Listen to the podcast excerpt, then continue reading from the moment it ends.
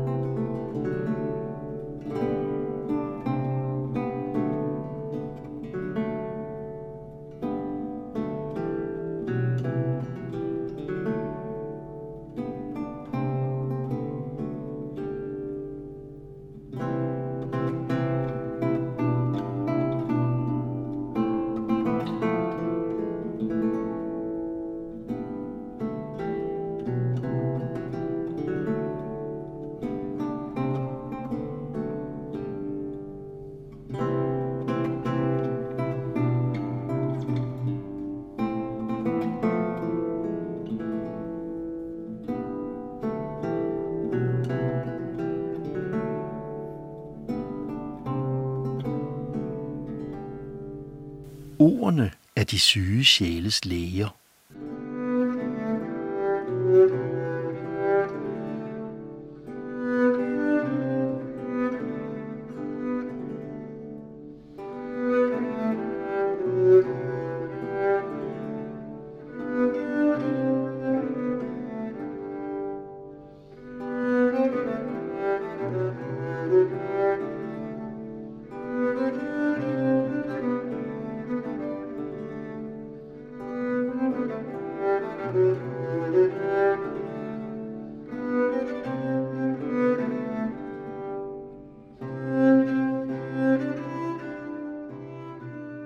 Ordene er de syge sjæles læger. Ordsproget optræder ofte hos de gamle græske forfattere. Ordene er læger for de sjæle, der lider, siger Plutark, der helt klart har lånt hos Aeschylus. Ved du ikke, Prometheus, at ordet er den læge, der helbreder vreden? Ingen tvivl om, som den hebraiske vismand siger, at de rette ord dæmper vreden. Vreden, der ifølge stoikerne er en forbigående galskab af den slags, Horaz taler om i sine epistler, tale og ord vil kunne stille din smerte og helbrede dig i det mindste delvist. Det han kalder sygdom er ifølge stoikerne en overdreven sjælelig lidenskab, som filosofien behandler med ord, det vil sige velgørende råd. Hør et andet citat. De ord er det eneste, der kan behandle sorg. Det du sagde berørte mig, strålende medicin. Ordene er den ledende sjæls doktorer.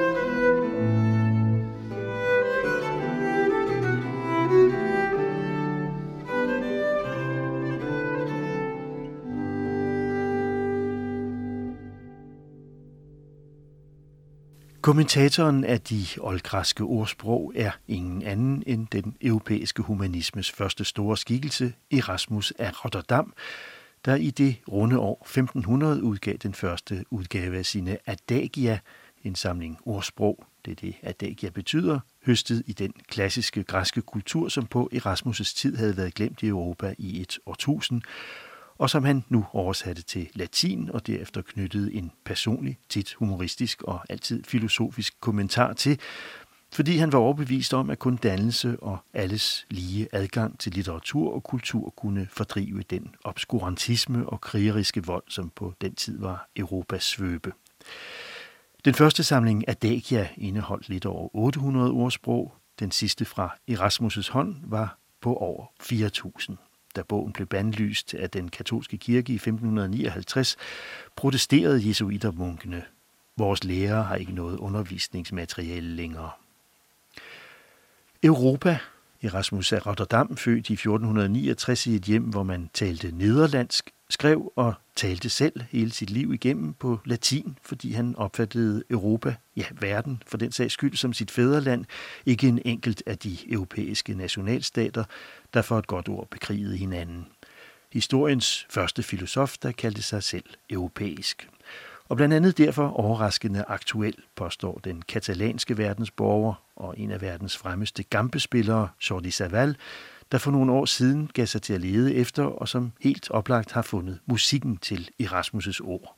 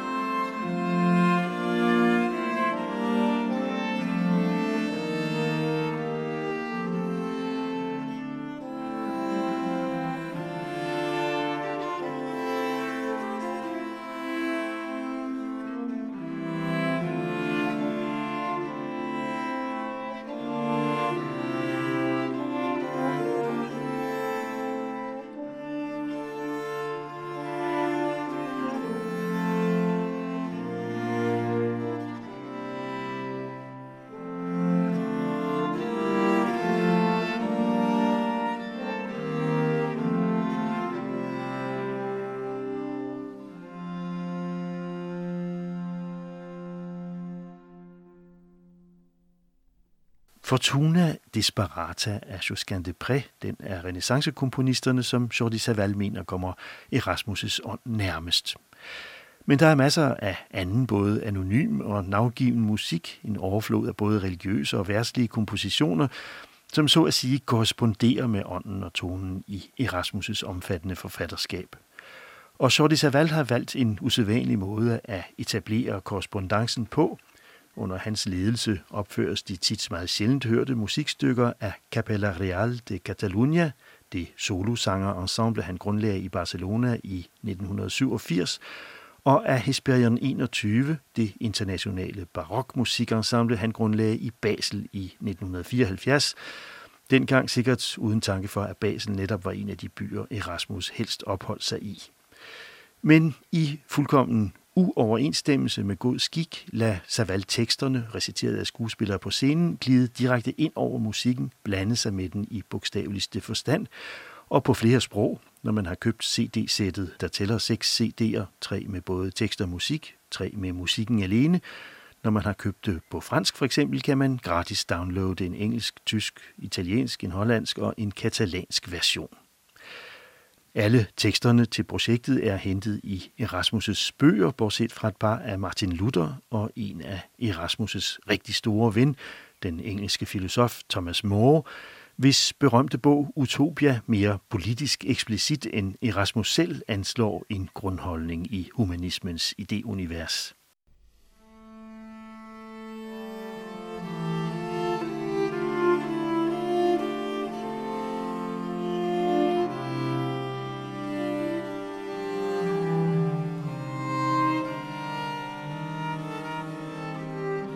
My dear Moore, I shall open my heart to you and share with you my innermost thoughts. Wherever there is private property and everything is measured in terms of money, one will never get justice and social prosperity unless you consider as just the kind of society where the wickedest people have the best share Nu, kære Moses, vil jeg åbne min sjæls dyb for dig og sige, hvad jeg inderst inde mener. Overalt, hvor ejendomsretten er individuel, og hvor alt måles i penge, vil der aldrig kunne herske retfærdighed og social fremgang.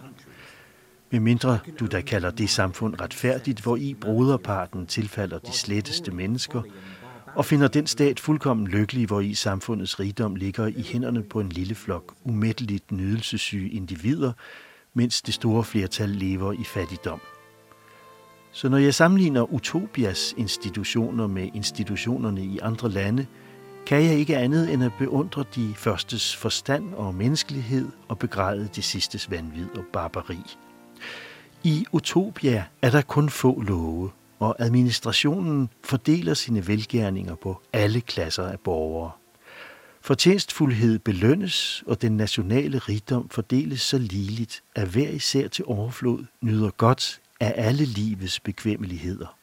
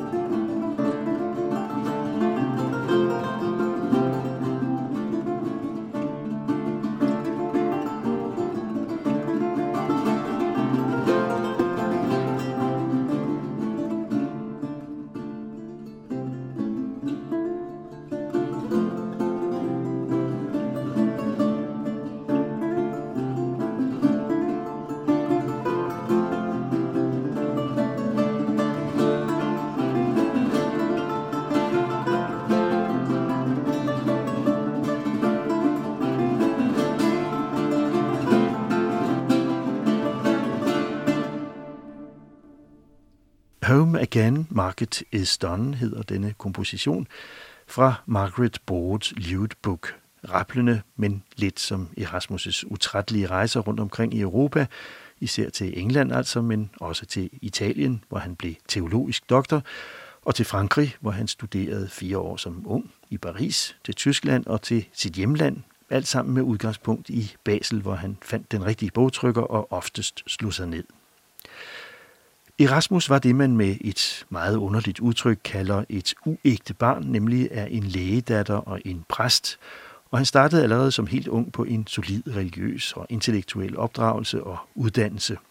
Som kun 19-årig aflagde han løfte som augustinermunk, og fire år senere blev han præsteviet.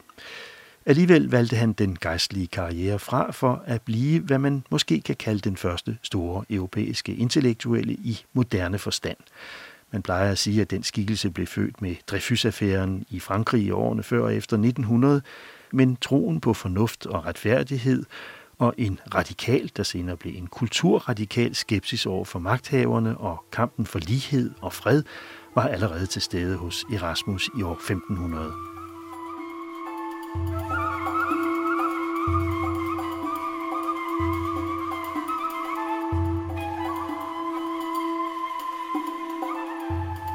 Når folkets uvidende skare hører ordet tyrker, fyldes dets hjerte straks af inderlig vrede, der opildner til massakre.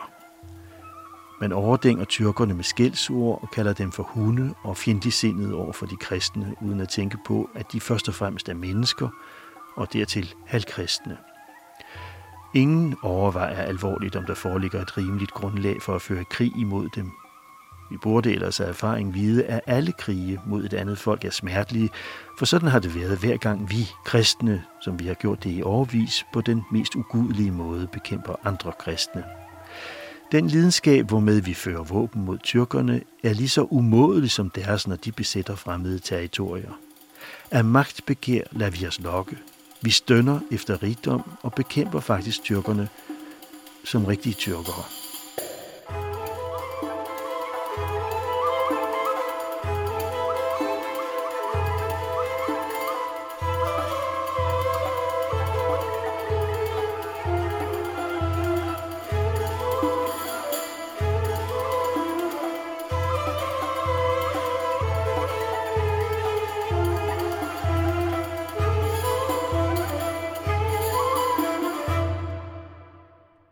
Vegetius skriver i tredje bog af krigskunsten, Lyt ikke til den unge soldat, der vil i krig.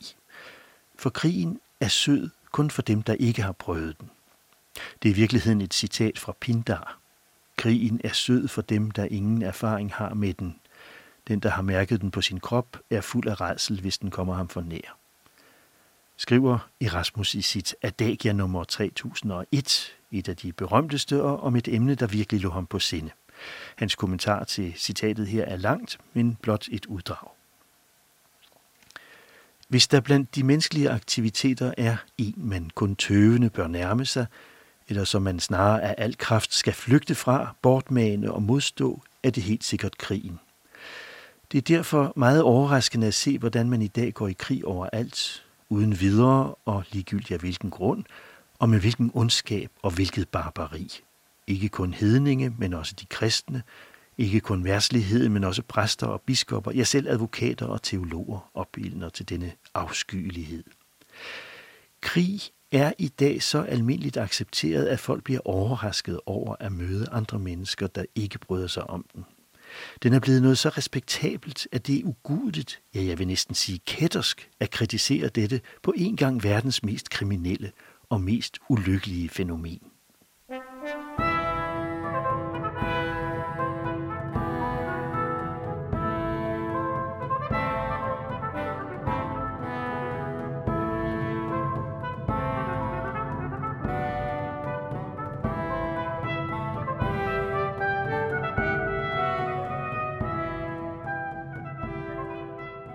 Forestil dig da flokken af barbarer, hvis blotte ansigter så redsel, ligesom lyden af deres stemmer fra alle sider.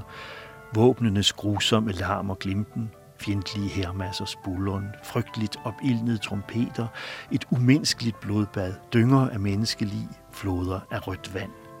Det hænder, at en bror kaster sig over en bror, en ven over en ven, før han i kampens rasende vanvid jager sit svær ind i kroppen på et menneske, der aldrig har gjort ham noget, ikke engang fornærmet ham med et ord. En tragedie mod hvilken resten er bagateller. Nedtrådte afgrøder på markerne, afbrændte gårde, landsbyer stukket i brand, voldtagende unge kvinder, tilfangetagende oldinge, tyveri, plyndringer, de rige brandbeskattet, skare af gamle koner dømt til en endnu hæsligere død, end hvis de var blevet halshugget, gifte kvinder gjort til enker i hobetal, forældreløse børn. Hvad nytter det at tale om sædernes forfald når ingen er uvidende om, at absolut alt, hvad der fordærver livet, kommer af krigen.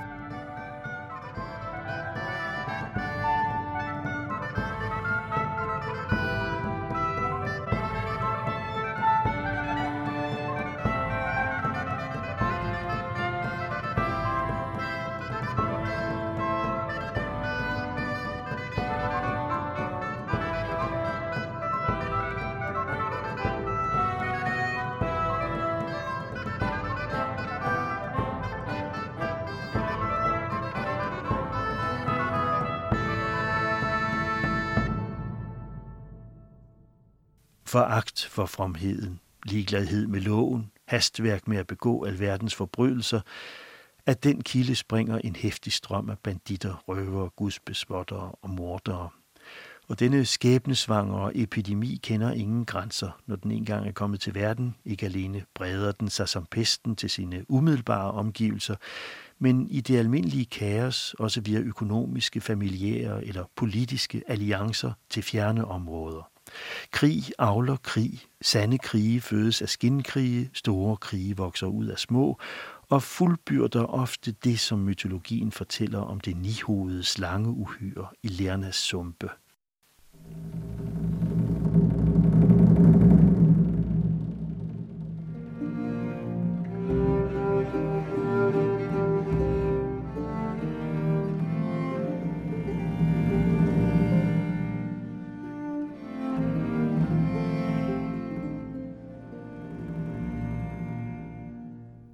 Tiden er allerede inde til at slå retræte for soldaterne, jeg husker, overlevende som dræbte i den så sindssyge kamp. Blæs, blæs, blæs, retræten for tiden går, og dagen er kort.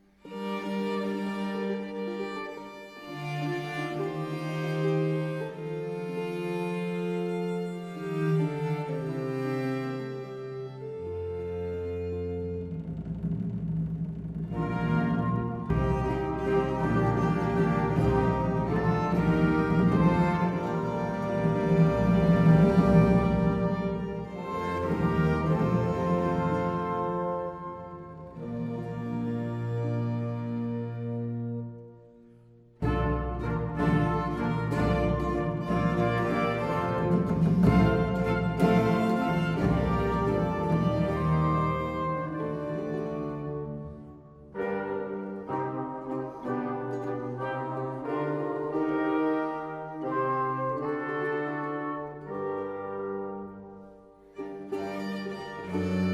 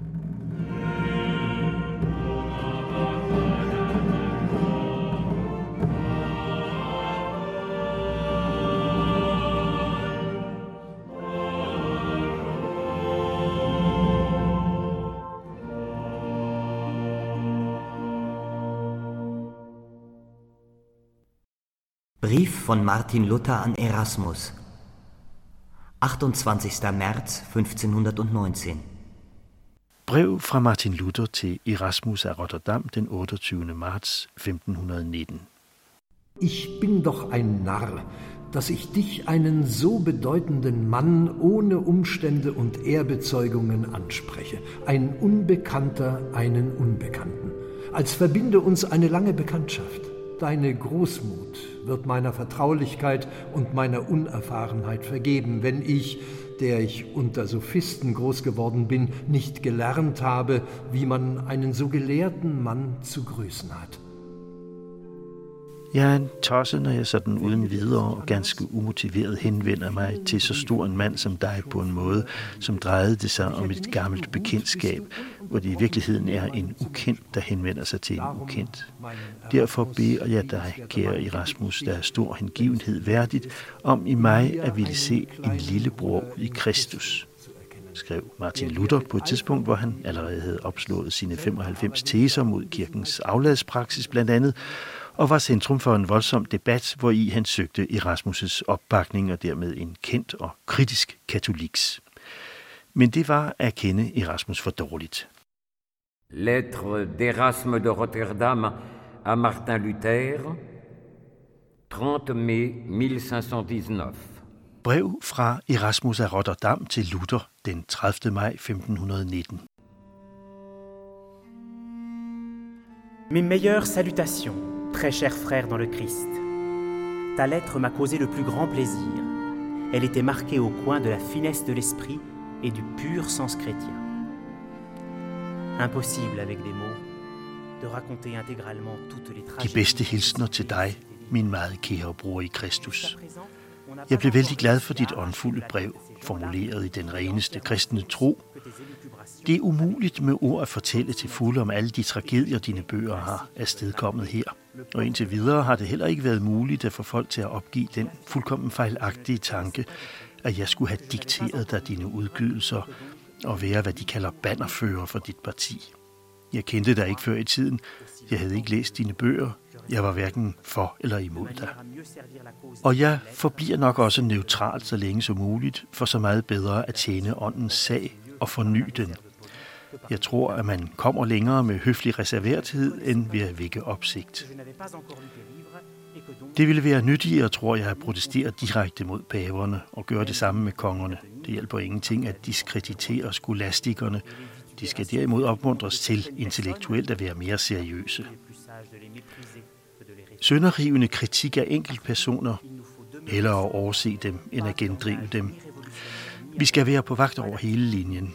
Ingen revolutionære eller arrogante udtalelser eller handlinger. Mådehold er efter min mening den bedste vej til at tjene Kristi ånd, men vi skal også passe på ikke at lade vores hjerter fordærves af nag eller had eller tørst efter hæder og berømmelse. Den sidstnævnte er som regel en trussel mod vores stræben efter fromhed. Jeg har med glæde læst dine salmekommentarer. Jeg håber, de vil vise sig højst nyttige. Partout il nous faut demeurer sur nos gardes. Pas de langage ni révolutionnaire ni arrogant, pas d'activité du même genre. Par cette réserve, à mon avis, on satisfera mieux à l'esprit du Christ. Entre-temps, il faut veiller à ne pas laisser corrompre son cœur par les ressentiments, ou par la haine, ou par la soif de gloire. Cette dernière nous menace d'ordinaire au beau milieu de notre zèle pour la piété. Ces conseils, je ne te les donne pas pour que tu les suives, mais pour que tu agisses sans discontinuer comme tu le fais. J'ai lu avec délice tes commentaires sur les psaumes. Ils me plaisent énormément et j'espère qu'ils seront de grande utilité.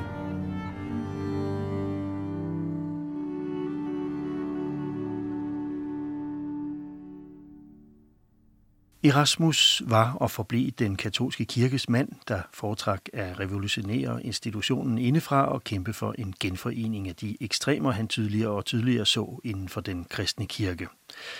Hans kritik af paverne, af forholdene i de katolske klostre og af det, han betragter som gejstelighedens uvidenhed, var imidlertid nådeløs, ligesom kritikken af mange værtslige institutioner, altså især krigsherrerne. Men han var en inderligt from mand i den forstand, at den eneste kraft, den eneste magt, han troede på for verden og for sig selv, var den spirituelle. Nulli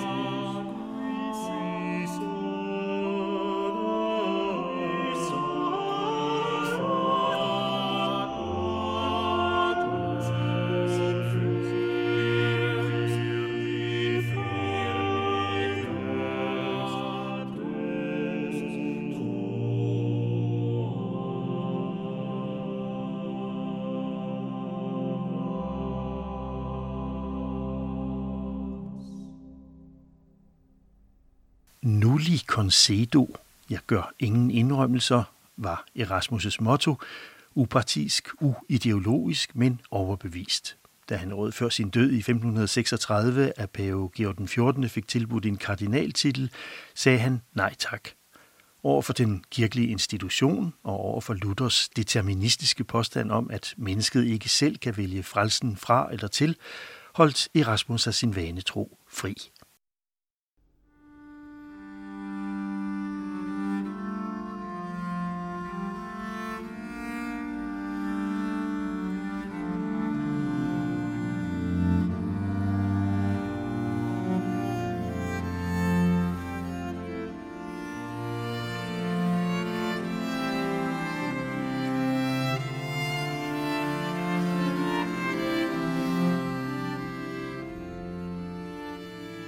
Har aldrig skrevet under på Luthers ord, så for at man ikke skal sammenligne denne kamp med en drabelig gladiatorkamp, angriber jeg kun et enkelt punkt i hans doktrin.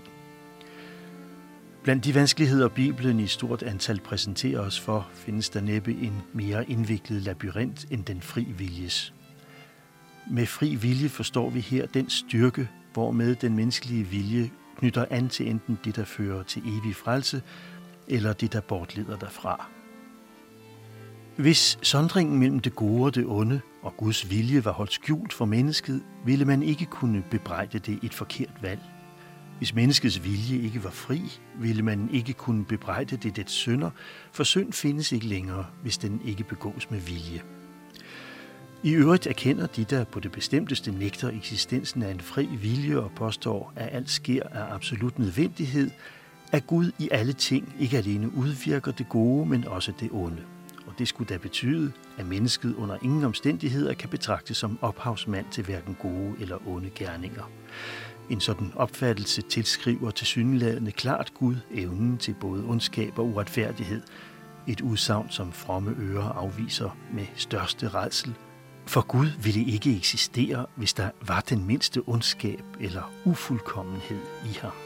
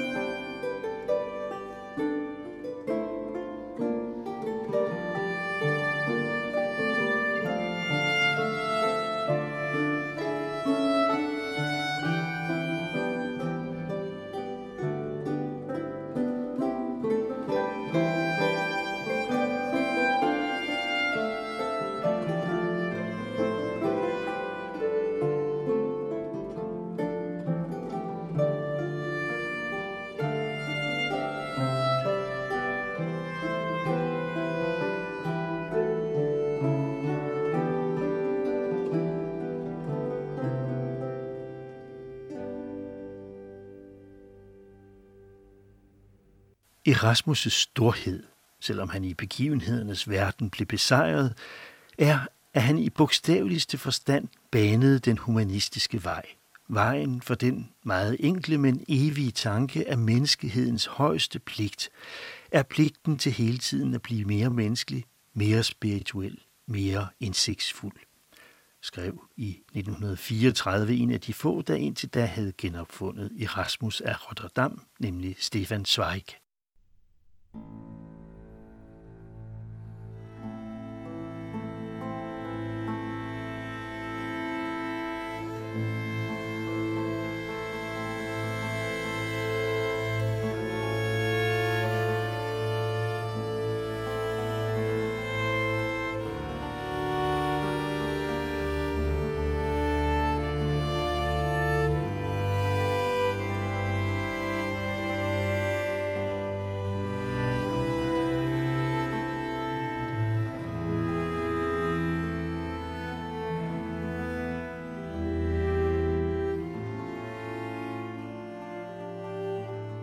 Aktiv til det sidste forlod han denne verden gennem arbejdets hellige labyrint, fortsætter Stefan Zweig. En verden, han ikke forstod, og som han lagde afstand til, en verden, der ikke længere ville anerkende og forstå ham. Den, der kommer med freden, træder nu hen til hans seng, og nu, hvor døden er der, den død Erasmus hele sit liv var umodholdent bange for, ser han den lige ind i øjnene, rolig og næsten taknemmelig. Han er stadig klar i hovedet og sammenligner sine venner, der står omkring ham med Jobs venner, og taler til dem på det reneste og eleganteste latin. Men pludselig, i det yderste minut, hvor åndedrættet allerede stopper nede i halsen, pludselig sker der noget forunderligt. Den store humanist, der hele sit liv ikke talte andet end latin, glemmer sit daglige sprog. I det øjeblik af instinktiv angst, som alle mennesker oplever lige inden de dør, lyder der fra hans stramme læber barndommens, fødelandets leve godt. Så et sidste sukker han får, hvad han så inderligt havde ønsket for hele menneskeheden. Fred.